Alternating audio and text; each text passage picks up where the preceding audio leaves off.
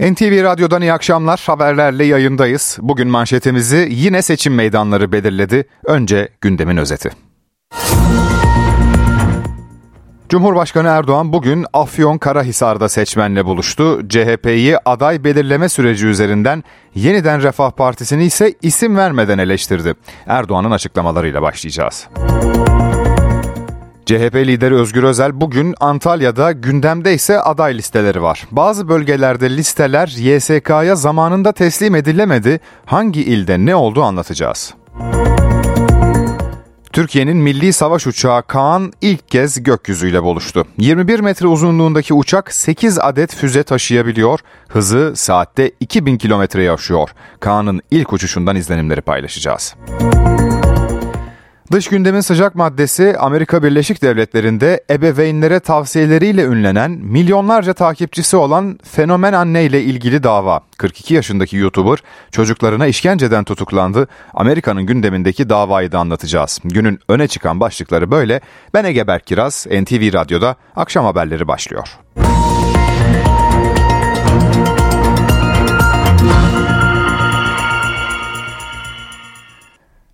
Yerel seçime 39 gün kala meydanlar hareketli. Cumhurbaşkanı Recep Tayyip Erdoğan mesajlarını bugün Afyonkarahisar'dan verdi. Muhalefete eleştiriler yöneltti. Muhalefetin ne bizim gibi güçlü bir tecrübesi ne örnek gösterilebilecekleri bir eserleri ne de ortaya koyabilecekleri geniş vizyonları var. Türkiye'nin sorunlarına çare olacak. Şehirlerimizin sıkıntılarını giderecek doğru düzgün tek bir önerileri dahi yok. Cumhurbaşkanı Recep Tayyip Erdoğan, AK Parti Afyonkarahisar aday tanıtım toplantısında konuştu. 31 Mart seçimlerinin önemini anlattı, muhalefeti eleştirdi. Gittiler Kandil güdümünde siyaset yapanlarla iş tuttular. Al gülüm, ver gülüm pazarlığa giriştiler. Hatalarından ders almak yerine sırf şahsi kariyerleri için bölücü örgütün uzantılarıyla demlenmeyi tercih ettiler. 14 28 Mayıs seçimlerinde milletin sandıkta verdiği mesajı okumayanlar 31 Mart'ta bu sefer milletin tokadını yemekten kurtulamayacaklar. Cumhurbaşkanı Erdoğan'ın CHP'ye yapay zeka eleştirisi de vardı. Milletten ve siyasetin temel değerlerinden öyle kopuklar ki belediye başkan adaylarını dahi vatandaşa değil nereye soruyorlar? Yapay zekaya soruyorlar. Erdoğan isim vermeden yeniden Refah Partisi'ni de hedef aldı. Sırf bize kaybettirmek amacıyla ortaya dökülen enaniyet abidelerine itibar etmeyin. Yolunu kaybedenlerin yolunu değiştirenlerin, yolunu şaşıranların tercihleri kendilerini ilgilendirir. Biz bunları nazarı dikkate almıyor, sadece işimize odaklanıyoruz. Yerel seçim takviminde ilk kritik tarih geçildi. Partiler geçici aday listelerini dün akşam Yüksek Seçim Kurulu'na sundu. Ancak CHP, Manisa, Karabük ve Balıkesir'de sorun yaşadı. Bu illerde son durum ne anlatalım. Manisa Sarıoğanlı'da mevcut belediye başkanı Zeki Bilgin'in adaylık başvurusu ve meclis üyelerinin yer aldığı liste ilçe seçim kuruluna 8 dakika geç sunuldu. Listeler Yüksek Seçim Kurulu'nun sistemine kabul edilmedi. CHP Genel Başkanı Özgür Özel'in memleketi olan ilçedeki gecikmenin elektrik kesintisinden kaynaklandığı ileri sürülerek itiraz edildi. Ancak Saruhanlı İlçe Seçim Kurulu itirazı reddetti. CHP ilçe yönetimi Manisa İl Seçim Kurulu'na başvuracak. Yine red kararı çıkması halinde bir formül geliştirildi. Saadet Partisi listesinde düzenleme yapılacak ve Zeki Bilgin başkan adayı gösterilecek. Balıkesir İvrindi'de de CHP'nin belediye başkanı ve belediye meclis üyelikleri için aday listesi ilçe seçim kuruluna teslim edilmedi. CHP ilçede yerel seçimlere katılamayacak. Partisi tarafından İvrinde Belediye Başkan adayı olarak duyurulan Ali Kundakçı ilçe başkanına tepkiliydi. Maalesef ilçe başkanı bizim dosyalarımızı seçim kuruluna vermek için gelmedi. Defaatle aramamıza rağmen gelmedi. Dolayısıyla bugün e, dosyalarımızı seçim kuruluna teslim edemedik. Konuyla ilgili açıklama yapan CHP Balıkesir İl Başkanı Erden Köybaşı, ilçe başkanı müracaatı yapmayıp partiden de istifa etmiş dedi. İlçe başkanı ilçe yönetiminin tamamının görevden alınacağını söyledi. Karabük'te CHP belediye başkan adayı listesini 2 dakika geç teslim edince reddedildi. Saat 17.02'de yapılan başvuruyla ilgili karar için partilerin itirazı üzerine İl Seçim Kurulu toplandı. İtiraz oy birliğiyle kabul edildi. İyi Parti Genel Başkanı Meral Akşener partisinin 31 Mart öncesi hedef haline getirildiğini söyledi. Bunu da seçimlere bağımsız girme kararına bağladı. İyi Parti olarak öyle bir dönemden geçiyoruz ki çamur atan atana tüm bu kuru gürültünün sebebi de seçimlere özü başımıza hür ve müstakil olarak girmemizdir. 31 Mart'ta sonuçları hep birlikte göreceğiz. Edileri de, büdüleri de, gizliden, açıktan ortaklık yaptıkları kırpıkları da sandığa gömeceğiz. İyi Parti Genel Başkanı Meral Akşener seçimlere bağımsız olarak girme kararlarının ardından hedef haline getirildiklerini söyledi. Hem iktidara hem de CHP'ye tepki gösterdi. Ne zaman yeni bir adayımızı açıklasak ya iktidar ya da ana muhalefet her defasında panik atak geçiriyor. Çünkü aldığımız kararla siyaset simsarlarının tezgahını bozduk. Ama artık bu konforlu edi siyasetine dur diyen, siyasete yeniden rekabeti getiren İyi Parti var, biz varız, siz varsınız. Akşener partisinin grup toplantısında konuştu. 3 bin liraya yükseleceği açıklanan emekliye bayram ikramiyesinin daha da artması gerektiğini söyledi. Seyyanen zam çağrısı da yaptı. Mayıs ayında söz verdiğimiz ama sözünüzden dönüp yapmadığınız zammı da hesaba katarak Ocak ayı için tüm emekli maaşlarına seyyanen 11 bin lira zam yapın. Erzincan'da maden faciasının yaşandığı bölgede toprak altında kalan 9 işçiyi arama çalışmaları yeni heyelan riski bitene kadar başlamayacak. 5 bakan bugün bölgede inceleme yaptı, sahadaki son durum paylaşıldı, ihmal iddiaları yanıtlandı. Suya zehirli maddenin karışma ihtimaline karşı önlemler de anlatıldı. Ayrıntıları İliç'ten NTV temsilcisi Nizamettin Kaplan anlatıyor. Bilim adamlarıyla yapılacak istişareler sonrasında ortaya çıkacak karar sonrası e, bu çalışmalara başlanacak. Bunu e, şunu söyleyebiliriz. Ve şu andan itibaren çalışmalar tekrar durmuş durumda. Yani iki gün önce durmuştu ve tekrar başlamadı. Dolayısıyla başlaması için de bilim adamlarının alacağı karar, yapacağı değerlendirme belirleyici olacak. Bugün 5 bakan maden ocağındaydı ve 5'i de öğlen saatlerinde kameraların karşısına geçti. Ee, her bakan kendi alanı ile ilgili farklı bilgiler paylaştı. Ee, olayın olduğu günden bu yana neler yapıldığı, neler olduğu konusunda paylaşımlarda bulundular. İlk açıklamayı Enerji ve Tabi Kaynaklar Bakanı Alparslan Bayraktar yaptı ve temel önceliklerinin 9 kayıp işçiyi bulmak olduğunu söyledi. Bununla eş zamanlı olarak da konunun çevresel etkilerini ölçümlerle, analizlerle takip ettiklerini belirtti ve arama faaliyetlerinin yeniden yapılabilmesi için toprağın taşınacağı alanların tespit edildiğini söyledi ve bu konuda ailelerin de sürekli bilgilendirildiğini anlattı. Tabi olayın idari ve teknik yönden de araştırıldığını, kök sebepleri nedir e, bunlara bakıldığını, e, soruşturma konusu olanların sayısının artabileceğini belirtti Enerji Bakanı ve maden ocağının faaliyetlerinin de 14 Şubat itibariyle durdurulduğunu duyurdu. Daha sonra İçişleri Bakanı Ali Yerlikaya açıklama yaptı. 3000'e yakın personel 800'ün üzerinde araçla arama kurtarma çalışmalarına katıldığını belirtti ve kazanın büyük bir kaza olduğunu, liç alanı dedilen alanda iki noktada büyük bir toprak kayması olduğunu belirterek jeoradarlarla sürekli sismik ölçüm yapılıyor. Gelişmeleri bilim adamlarıyla sürekli değerlendiriyoruz. Aramalara ara vermemizin sebebi çalışan arkadaşlarımızın güvenliği dedi İçişleri Bakanı ve sonra şöyle devam etti. Çalışmalara ara veriyoruz. Ne zamana kadar? Liç alanındaki durum stabil olana kadar. E, bize evet güvenle çalışabilirsiniz diyene kadar e, çalışmalara ara verdik dedi İçişleri Bakanı. Yine güvenle çalışabileceğimiz yönünde bilgi paylaşıldığı anda da AFAD koordinesinde çalışmalara tekrar devam edilecek e, dedi e, İçişleri Bakanı Ali Yerlikaya. E, Çevre Şehircilik ve İklim Değişikliği Bakanı Mehmet Özhaseki olaydan sonra ilk kez bölgeye geldi ve bu yönde de kendisine bazı eleştirilerin olduğu hatırlatırdı.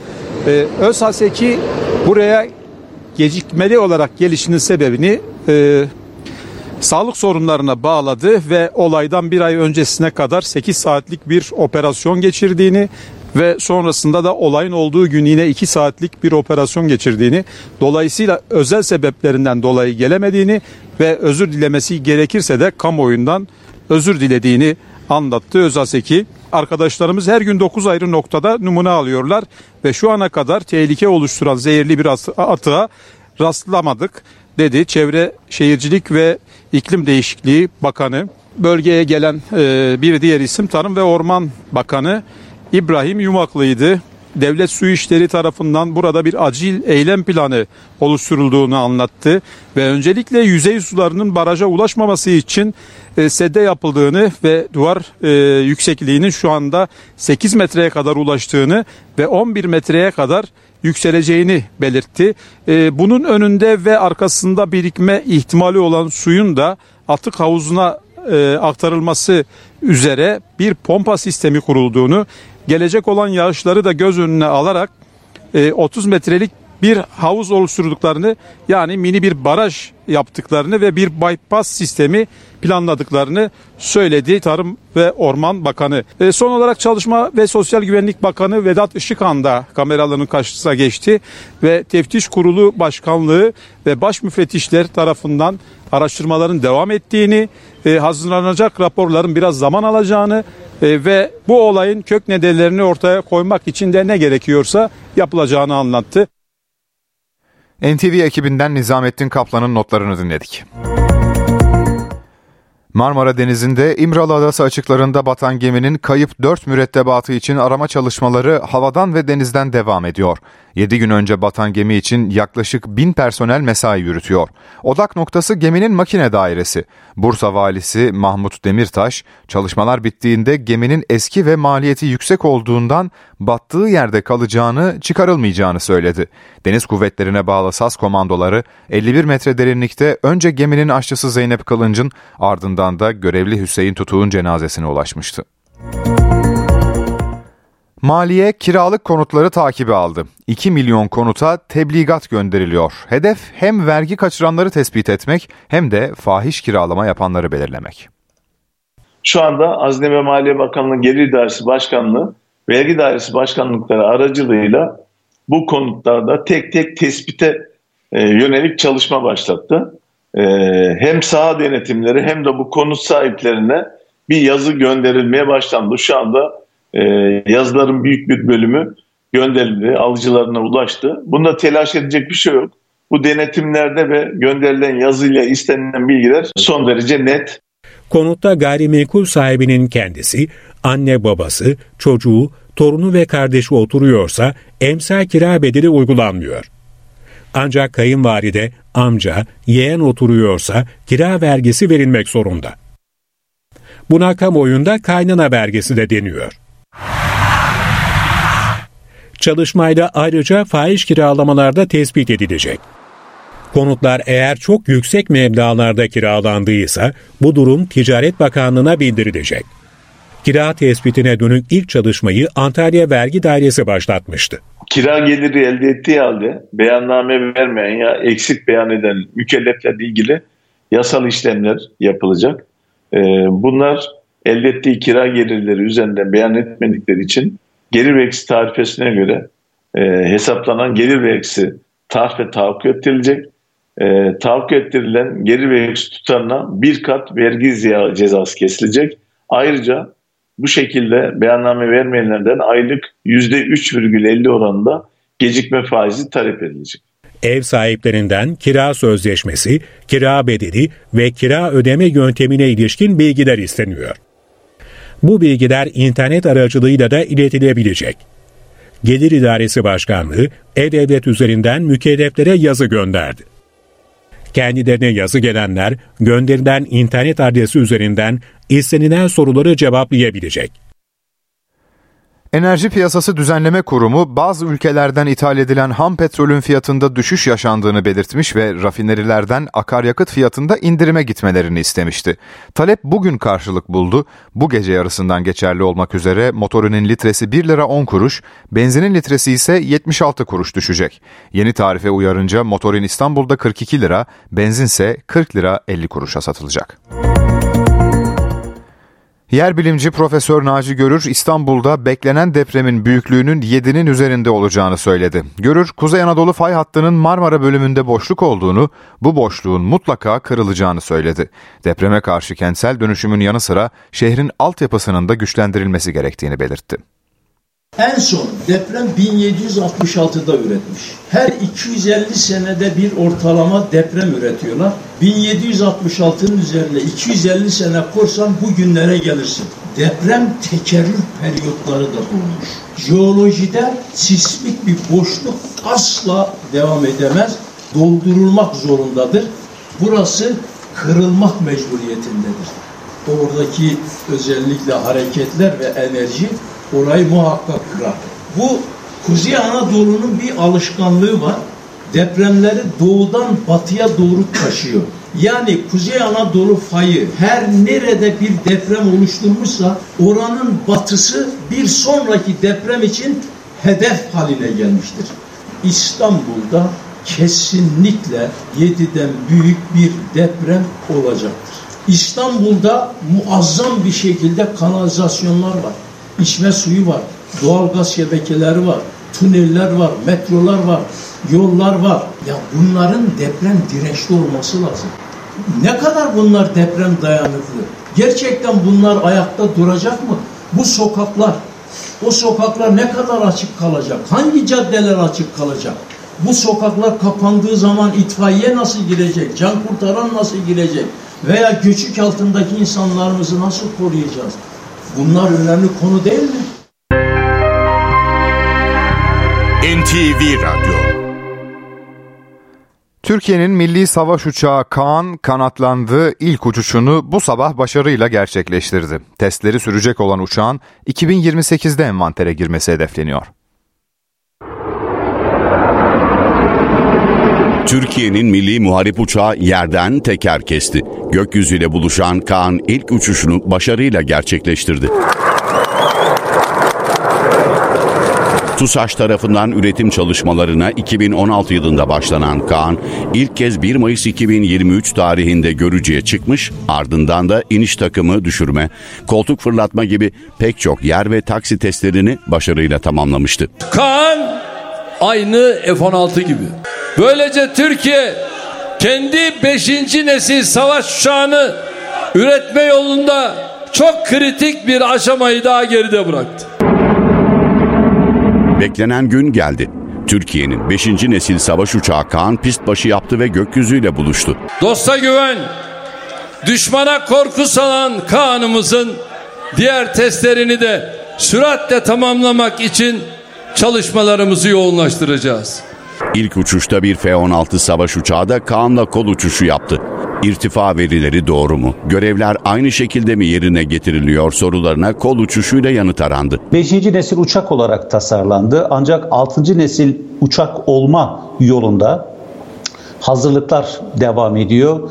Büyük bir ihtimalle Amerika Birleşik Devletleri'nin dünyaya ihraç etmekten sakındığı F-22 Raptor e, cinsi uçaklara muadil bir uçak olacak. Beşinci nesil görünmezliktir biliyorsunuz. Özel bir boyayla boyanıyor. Şu an Türk sanayi, savunma sanayi bu boyayı üretebilme kapasitesine sahip. Yani herhangi bir ülkeden ithal etmiyorsunuz.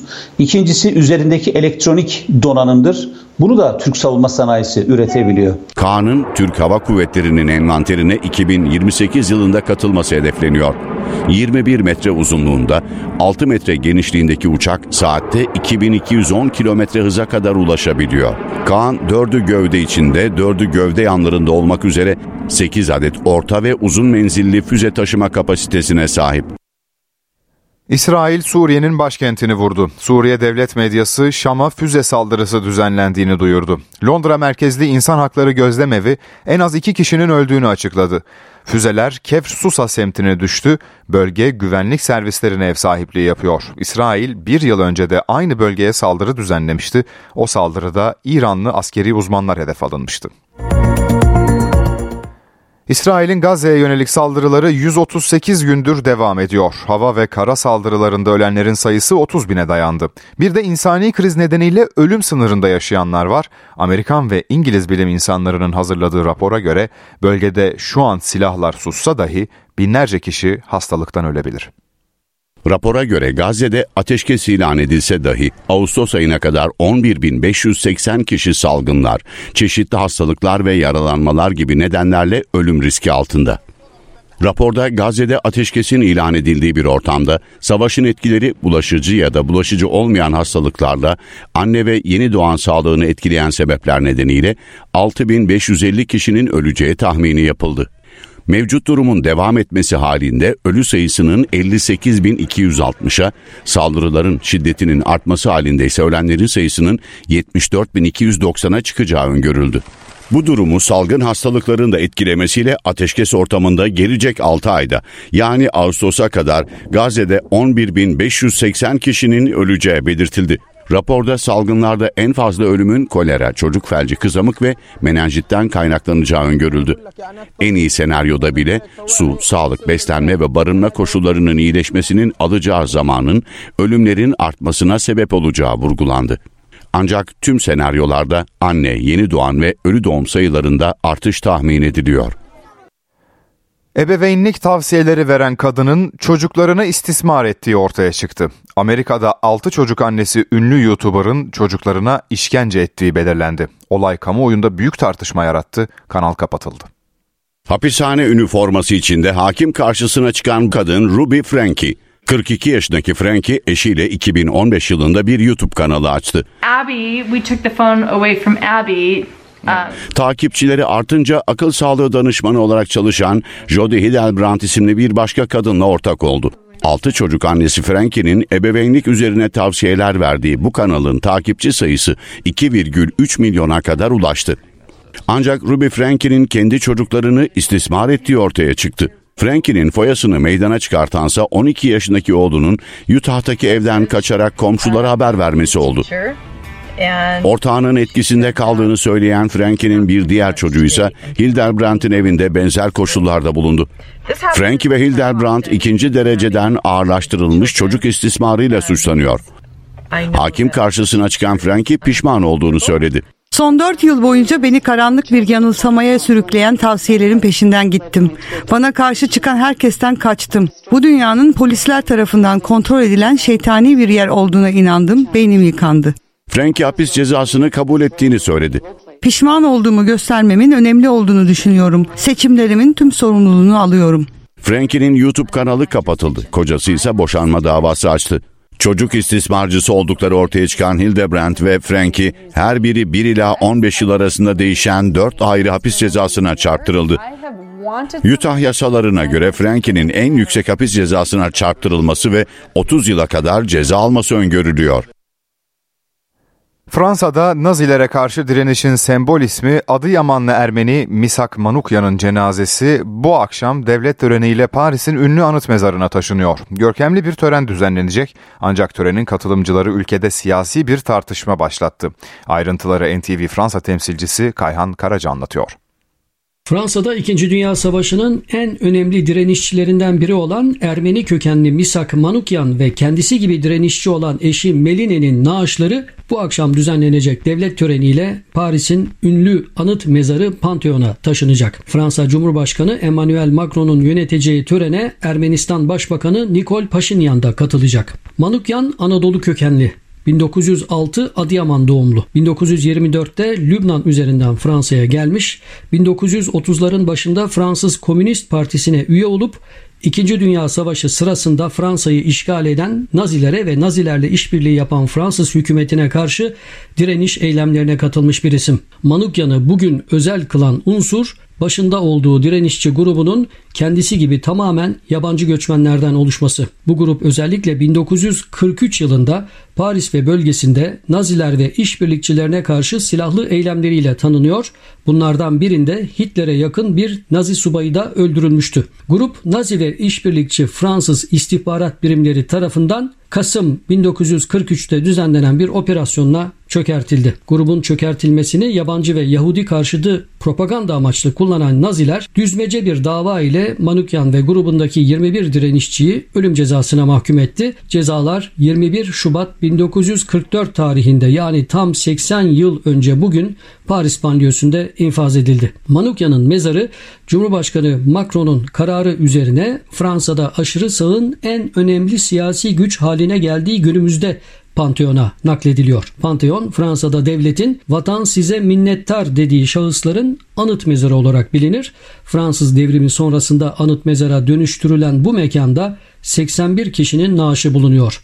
Bunlar arasında Jean-Jacques Rousseau, Voltaire, Victor Hugo, Alexandre Dumas, Condorcet, Emile Zola, Marie ve Pierre Curie Jean Jaurès ve Jean Monnet gibi isimler de var. Manukya'nın kendisi gibi direnişçi olan eşi Meline ile birlikte Pantheon'a alınması Fransız aydınlar arasında birkaç aydır tartışma konusu. Kimi aydınlar neden Manukyan grubundakilerin hepsi değil de sadece Manukyan Pantheon'a alınıyor diye sormakta. Bir diğer tartışma konusu ise bu akşamki törene aşırı sağcı lider Marine Le Pen'in de katılacak olması. Cumhurbaşkanı Macron varisi olduğu parti Nazi işbirlikçileri tarafından kurulduğu gerekçesiyle Marine Le Pen'e diplomatik bir dille törene katılmama çağrısında bulundu. Ancak Le Pen'in yine de törene katılacağı belirtiliyor. Kayhan Karaca, NTV Radyo, Strasbourg. İstanbul'da belediye otobüsünde yer istediği yolcunun saldırısına uğrayan kadınla ilgili davada karar çıktı. Kadının alaycı konuştuğunu söyleyerek kendini savunan saldırgan ev hapsi cezası aldı. İşten çıkıp evine dönen Reyhan Demirtaş, dizinden rahatsız olduğunu söyleyerek Muharrem B'den yer istedi. Ancak baba çocuğunu kucağına almadı. Kısa sürede tartışmanın ardından saldırıya uğrayan Demirtaş, diğer yolcuların yardımıyla kurtuldu. Ufak çocuğunuz kucağınıza alınabilir beyefendi dedim. Böyle orada bir konuşma geçti. Yaşlılar ve hamileler oturur dedi. Ben de annesinin babasının kucağında oturur. Sizin çocuğunuz küçük beyefendi dedim. Kucağa alınabilir bir çocuktur dedim. Orada dedi bir anda böyle bir hareket yaptı. Gözüme yumruğu bir vurdu. Ondan sonra bir tekme attı orada karın boşluğuma doğru. Mahkemeye çıkarılan saldırgan 6 yaşındaki oğlunun Erenköy Ruh ve Sinir Hastalıkları Hastanesi'nde psikiyatri tedavisi gördüğünü, sürekli sakinleştirici ilaç kullandığını, İlaç kullanmadığı zamansa hırçınlaştığını anlattı. Bunları söylemesine rağmen Reyhan Demirtaş'ın ısrarcı olması ve alaycı konuşması üzerine öfkesine yenik düştüğünü iddia etti.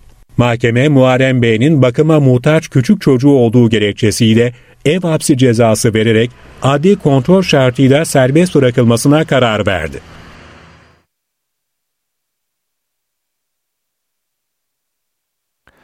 Dünya genelinde yaklaşık 40 milyon kişi AIDS enfeksiyonu taşıyor. Vaka sayısı küresel ölçekte düşüşe geçerken Türkiye'de ise olumsuz bir tablo var. Uzmanlar Türkiye'de son 10 yılda AIDS'e yakalananların sayısının 10 kat arttığını belirtiyor. Üstelik enfeksiyon çoğu zaman başka nedenlerle tedavi görürken tesadüfen tespit ediliyor. Her hastalıkta olduğu gibi bunda da erken teşhis ve düzenli tedavi büyük önem taşıyor. Polikliniğe e, her hafta neredeyse bir iki tane yeni hasta geliyor. Bunların bir kısmı e, gerçekten hastalığın başında olan kişiler, bir kısmı ise çok geç tanıda olan insanlar. Türkiye'de HIV artış eğiliminde. Kocaeli Üniversitesi Tıp Fakültesindeki veri de buna işaret ediyor. Üstelik bu hastaların çoğu tesadüfen bulunuyor. Aslında e, bambaşka şikayetlerle bambaşka bölümlerde biz bu hastaları buluyoruz. Çünkü o hastane o tetkik için yatmış oluyor ve e, HIV enfeksiyonun pozitif olduğunu görüyoruz. Bu konuyla uğraşan hekimlere daha çok yansıdığı için onlar için çok e, sayısı fazla. E, ama tabii ki sıra dışı bir fazlalık. Ama bir yandan da test yapılmasının teşvik açısından önemli. Çünkü enfeksiyonu olup da bulaştırmaya devam eden ve aynı zamanda da bilmeyen çok kişi var. O yüzden de böyle bir gizli pandemi gibi konuşuluyor bizim aramızda da. Salgın sürecinde HIV testi yaptıranların sayısı azaldı. Damgalanma ve ayrımcılığa maruz kalma korkusu hastalıktan şüphe duyanların da testten uzak durmasına, tanı almamasına neden oluyor. HIV enfeksiyonu öyle bir şey ki bir 10 yıl kadar hiç kimse de bir şikayet yapmadan e, normal hayatını sürdürmesini sağlıyor. Ama bu şekilde e, devam ederken sürekli bir e, immün sistemi yıpratıyor ve sürekli bir savaş oluyor vücutta. Ve buna immün yaşlanma deniyor aslında. Ve eğer bu olayın bu 10 yılını geçirmişse hastanın geri dönüşü çok zor oluyor. Mutlaka aslında üzerine gidilmesi gereken hatta anonim test merkezleri olsun. insanlar rahatlıkla bunu çünkü bu da bir mücadele. HIV bağışıklık yetmezliğine neden oluyor. Erken teşhis ve düzenli tedavi hastaların hayatlarını olağan şekilde sürdürmesini sağlıyor. Türkiye'de geçen yılın verilerine göre HIV ile yaşayan 35.807 kişi var. HIV'in neden olduğu enfeksiyonun ileri seviyesi ise AIDS olarak adlandırılıyor.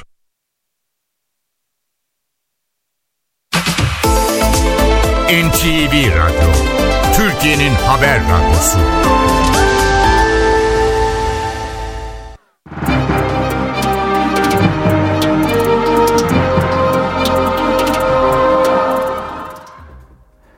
Borsa İstanbul 100 endeksi 9258 seviyelerinde. Dolar 31 liradan, Euro 33 lira 54 kuruştan işlem görüyor. Euro dolar paritesi 1.08. Ons altın 2028 dolarda, gram altın 2020, çeyrek altın 3426 liradan satılıyor. Brent petrolün varil fiyatı 82 dolar.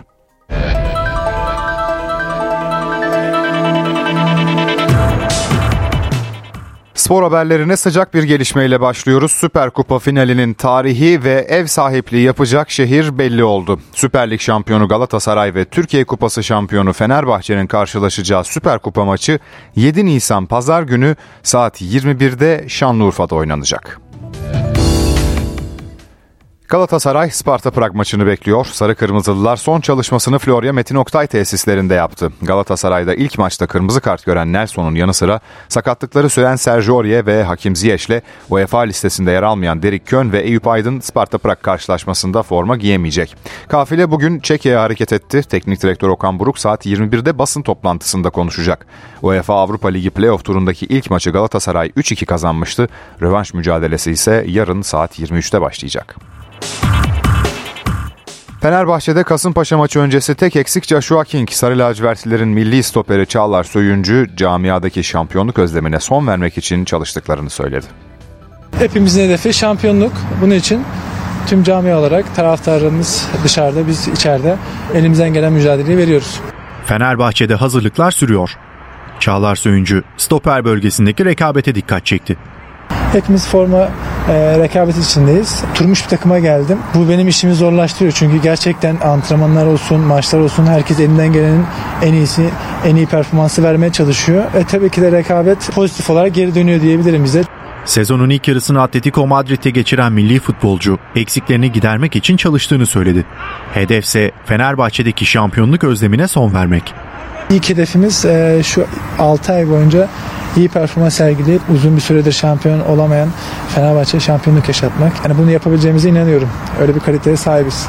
Kasımpaşa maçının hazırlıklarına devam eden Fenerbahçe'de tek eksik sakatlığı süren Joshua King. Fred ise takımla birlikte çalışmalarını sürdürüyor. 21 Ocak'taki Samsun Spor maçında sakatlanan Brezilyalı futbolcu toplam 6 maç kaçırdı. Fenerbahçe teknik heyeti Fred'i tam anlamıyla iyileşmeden riske etmeyecek. Milli takımından dönen Osay Samuel'in Kasımpaşa maçında kadroda olması bekleniyor. Edin Dzeko ise sabah antrenmanında bireysel çalıştı. Ancak Bosna Hersekli Yıldız'ın herhangi bir sakatlığı bulunmuyor. Fenerbahçe Kasımpaşa'yı cumartesi günü konuk edecek. Beşiktaş İstanbul Spor maçının hazırlıklarına başladı. Siyah beyazlılarda Masuaku ağrıları nedeniyle antrenmana çıkmadı. İstanbul Spor maçında oynayıp oynayamayacağı yarın yapılacak kontrollerin ardından netlik kazanacak. Demokratik Kongolu futbolcu Afrika Uluslar Kupası nedeniyle bir ay aradan sonra Konya Spor maçıyla Beşiktaş formasını tekrar giymişti. Sakatlıkları süren Tayfur Bingöl, Mustafa Erhan Hekimoğlu ve Yakup Arda Kılıç'la çalışmada yer almadı. Beşiktaş Süper Lig'de pazar günü İstanbul Spor'a konuk olacak. Şampiyonlar Ligi son 16 turunda ilk maçlar bugün sona eriyor. Napoli'nin Barcelona'yı konuk edeceği gecede Arsenal ise Porto deplasmanına çıkacak. Şampiyonlar Ligi son 16 turunda ilk perde kapanıyor. Çeyrek final yolundaki ilk maçlar saat 23'te oynanacak. Gecenin maçı Diego Armando Maradona stadında. İtalya ve İspanya'nın son şampiyonlarının sahaya çıkacağı mücadelede Napoli ile Barcelona karşılaşacak. Kritik maç öncesinde ev sahibi hareketli bir gün geçirdi.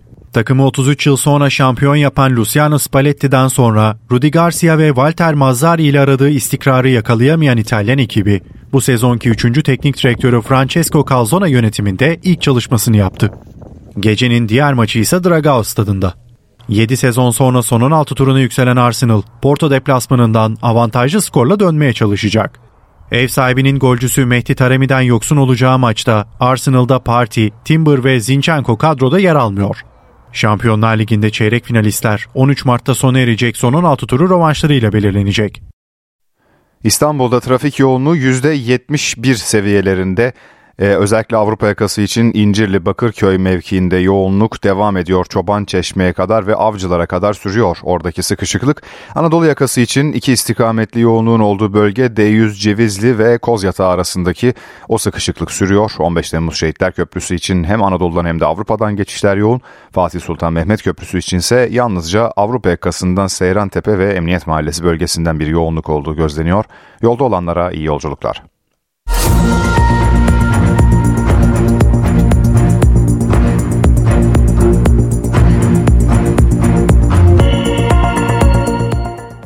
NTV Radyo'da gelişmeleri aktarmayı sürdürüyoruz. Süper Kupa finalinin tarihi ve yeri belli oldu. Daha önce Suudi Arabistan'da oynanması planlanan ancak ertelenen Galatasaray ve Fenerbahçe arasındaki mücadele 7 Nisan'da Şanlıurfa'da oynanacak. Şimdi ayrıntıları alacağız. NTV Spor muhabiri Numan Gülşen anlatıyor.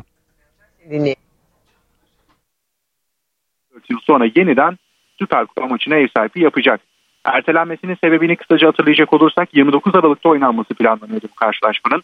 Suudi Arabistan'ın başkenti Riyad oynanacaktı. İki kulüp de Suudi Arabistan'a gitmişti. Ancak maç öncesinde yaşananlar olayın bu noktaya gelmesini, maçın ertelenmesine neden olmuştu. İki kulüp de Atatürk tişörtleriyle sahaya ısınmak için çıkmak istemişlerdi. Daha sonrasında Yurtta Sulh, Cihanda Sulh ve Ne Mutlu Türk'üm diyene pankartlarıyla maç önü seremonisine çıkmak istemişti. Fakat daha sonrasında bu talepler Suudi Arabistan yetkilileri tarafından kabul edilmeyince iki kulüp de maça, maça çıkmama kararı almış ve e, Türkiye Futbol Federasyonu ile beraber yapılan ortak açıklama sonrasında da karşılaşmanın ertelendiği duyurulmuştu. Federasyon da 54 gün sonra Süper Kupa'nın tarihi ve yeriyle ilgili açıklamayı yapmış oldu. Süper Kupa 7 Nisan Pazar günü saat 9'da Şanlıurfa'da oynanacak. Tabii bu haftaya baktığımızda Türkiye e, Süper Ligi'nde de haftanın maçların devam ettiğini söyleyebiliriz. 32. hafta maçları oynanacak. Galatasaray Alanya Spor'a Fenerbahçe Fatih Karagümrük'e konuk olacak ama bu haftanın muhtemelen e, yeniden düzenlenmesini bekliyoruz federasyon tarafından. Hafta içinde e, oynanacak maçlarla da e, çakıştığını söyleyebilirim. Onun dışında e, bir sonraki e, eğer Fenerbahçe ve Galatasaray Avrupa kupalarında yoluna devam ederse çeyrek finalde bu kez 11 Nisan'da ilk maçlarını oynayacaklar. E ona göre de bir düzenleme yapılmasını bekliyoruz Türkiye Futbol Federasyonu tarafından. Yeniden tekrar edecek olursak Süper Kupa maçı 7 Nisan Pazar günü saat 21'de Şanlıurfa 11 Nisan stadyumunda oynanacak Burcu. NTV Spor muhabiri Numan Gülşen NTV ile ortak yayında aktardı. Erzincan'da maden sahasında göçük sonucu toprak altında kalan 9 işçiyi arama çalışmaları ikinci bir toprak kayması riski nedeniyle durdurulmuştu. Bölgede bulunan 5 bakan son duruma ilişkin bilgi verdi. Suya zehirli madenin bulaşmadığı belirtildi. Alınan önlemler anlatıldı. Arkadaşlarımız her gün 9 noktadan numune alıyorlar. Sonra bunu gerek kendi mobil cihazımızda gerekse 3 ayrı dışarıdaki yetkin laboratuvarlarda incelettiriyorlar. Şu ana kadar Çok şükür tehlike oluşturacak bir zehirli atığa rastlanmadı. Erzincan'da altın madeni sahasında 13 Şubat'ta meydana gelen göçüğün nedeni araştırılıyor. Toprak altında kalan 9 kişiyi arama çalışmaları ikinci bir heyelan riski nedeniyle durduruldu. Bölgeye giden 5 bakan maden sahasında inceleme yaptı. Hem son duruma ilişkin hem de ihmal iddialarına ilişkin önemli açıklamalarda bulundu. Her iki tarafta yani sabırlı ve mangan açık ocağındaki arama faaliyetlerine ara veriyoruz. Tekrar ediyorum ara veriyoruz. Ne zamana kadar? Bize evet arama ile ilgili aşağıda güvenle tekrar ediyorum güvenle çalışabilirsiniz denildiği an AFAD koordinasyonda tekraren arama faaliyetlerine devam edilecek. Heyelan olmuş toprağın uygun olacak alanlara taşınması ile ilgili faaliyetlerimiz şu anda devam ediyor. O alanlar tespit edildi. Şu anda altısı tutuklu, üçü adli kontrol şartıyla serbest olmak üzere 9 kişi hakkında adli iş, e, ceza işlemler veya adli işlemler devam ediyor. Ama bu sayı artabilir. Maden sahasındaki zehirli maddelerin Fırat Nehri'ne ulaşmaması için de özel önlem alınıyor. Öncelikle yüzey sularının e, baraja akmamasıyla alakalı sedde yapılmaya başlandı. Şu anda 8 metreye ulaştı. 11 metreye kadar ulaştıracağız. Gelecek olan yağışları da depolama amacıyla e, yaklaşık şu an için planlamalar 30 metre yüksekliğinde adeta küçük bir baraj inşa edilecek. Tabii olayla ilgili idari ve hukuki süreç devam ediyor. Ancak müfettişlerimizin hazırlayacağı raporlar belli bir zamanı alacaktır. Ama en son noktada burada ihmal ve kusuru olan kim varsa hukuk önünde gerekli hesabı vereceğini de ifade etmek isterim. Çevre, Şehircilik ve İklim Değişikliği Bakanı Mehmet Özhaseki bölgeye ilk kez gitti. Sağlık sorunları nedeniyle daha önce gelemediğini söyleyerek özür diledi. Arkadaşlar özellikle kendi özelimle ilgili bir şey söylemek istemezdim. Ancak bir ay kadar önce 8 saat süren bir operasyon geçirdim. Ve buradaki hadisenin vuku bulduğu günde devamında 2 saatlik bir operasyon daha geçirdim. Gelememe nedenim sadece özel sağlık nedenleri. O yüzden eğer özür dilemem gerekiyorsa bütün kamuoyundan özür dilerim. İstanbul Büyükşehir Belediye Başkanı Ekrem İmamoğlu seçim çalışmaları kapsamında yeni dönem vaatlerini anlattı. 600 bin hane için sosyal destek paketi hazırladıklarını söyledi. Size gururla hizmet edeceğiz. Kimin ne olduğuna bakmaksızın, hangi siyasi görüşe sahip olduğuna bakmaksızın her biriniz bizim eşit, onurlu vatandaşlarımızsınız. İstanbul Büyükşehir Belediye Başkanı Ekrem İmamoğlu, eğitim, ekonomi, sosyal destekler gibi 10 ayrı alanda hayata geçireceği Adil İstanbul adlı projelerini tanıttı. Ayni ve nakdi sosyal destek miktarını 600 bin haneye çıkararak yani ayni ve nakdi destek sayısını 4 milyon tam 4 milyon adede yükselterek ihtiyaç sahibi vatandaşımızın yanında olmaya devam edeceğiz. İmamoğlu 39 ilçede yüzün üzerinde okulda beslenme desteği sağladıklarını söyledi. 2024-25 yıllarında ilk ve ortaokula giden çocuklarımıza 2 milyon okul beslenme destek paketi dağıtacağız. 10 bin haneye ayda bir bebek paketi bir bebek paket bebek bezi ve bir kutu bebek maması ihtiyacını karşılıyor olacağız. İmamoğlu 40 yaş üstü kadınlar için yılda bir kez ücretsiz mamografi, 18 yaş üstü kadınlar içinse ultrason çekim hizmeti vaat etti. AK Parti'nin İstanbul Büyükşehir Belediye Başkan adayı Murat Kurum seçim çalışmalarını Arnavutköy'de sürdürdü. Sanayi bölgelerini ziyaret etti. Gündeminde deprem, hedefinde rakibi Ekrem İmamoğlu vardı. 1 Nisan sabahı görevi bırakacak olan Cumhuriyet Halk Partili Başkan ne diyor değerli arkadaşlar? 650 bin konut olmasa da olur diyor. Böyle talihsiz bir açıklama yapıyor. İstanbul'a e, bu manada depreme hazırlanmasını ve kentsel dönüşümünü ders edinmediği için bu yöndeki tedbirleri, projeleri ve yatırımları da gereksiz görüyor. İstanbul tüm illere bakar ama Allah göstermesin İstanbul'daki bir sıkıntı ülkenin milli güvenlik meselesidir. Değerli arkadaş bu bu kadar önemlidir. Dolayısıyla böyle tiye alınacak, önemsenmeyecek bir iş değildir. Murat Kurum, CHP ile DEM Parti arasında milletin gözünden kaçırılmaya çalışılan bir işbirliği olduğunu da savundu. Kent uzlaşısı gibi yeni bir kavramın altında kirli bir işbirliğinin senaryo siyasetinin e, uygulamaya çalışıldığını hep birlikte görüyoruz. Ama milletimiz bunu fark ediyor ve aslında milletimizin bunu fark etmesinden de korkuyorlar. NTV Radyo, Türkiye'nin haber radyosu.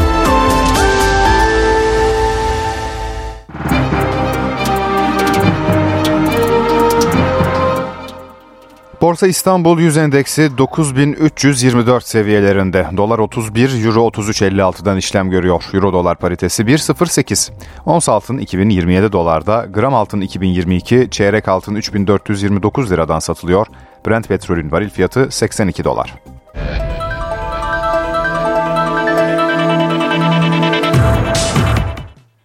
Spor dünyasından gelişmeleri haber turuyla aktaracağız. Türk futbolunda tartışmalara neden olan Süper Kupa için yeni plan açıklandı. Futbol Federasyonu Galatasaray Fenerbahçe maçının 7 Nisan saat 21'de Şanlıurfa'da oynanacağını duyurdu. 29 Aralık 2023'te Suudi Arabistan'ın başkenti Riyad'ın ev sahipliğinde düzenlenecek maç organizatörler ve kulüpler arasındaki anlaşmazlık sebebiyle oynanamamıştı. Galatasaray Sparta Prag maçını hazır. Son çalışmasını İstanbul'da tamamlayan Sarı Kırmızılılar Çekya'ya hareket etti. Kart cezalısı Nelson ve sakatlıkları süren Ziyech, Orye ve Endombele Prag kafilesinde yer almadı. İlk maçı 3-2 kazanan Sarı Kırmızılılar yarın saat 23'te rövanş maçına çıkacak. Bayern Münih'teki kötü gidişatın ardından beklenen karar alındı. Teknik direktör Thomas Tuchel sezon sonunda yolları ayıracak. Alman basını Bayern Münih'in gelecek sezon için 3 isimle görüştüğünü iddia etti. Bundesliga'da son 11 yılın şampiyonunun gündemindeki isimler Xabi Alonso, Jurgen Klopp ve Jose Mourinho.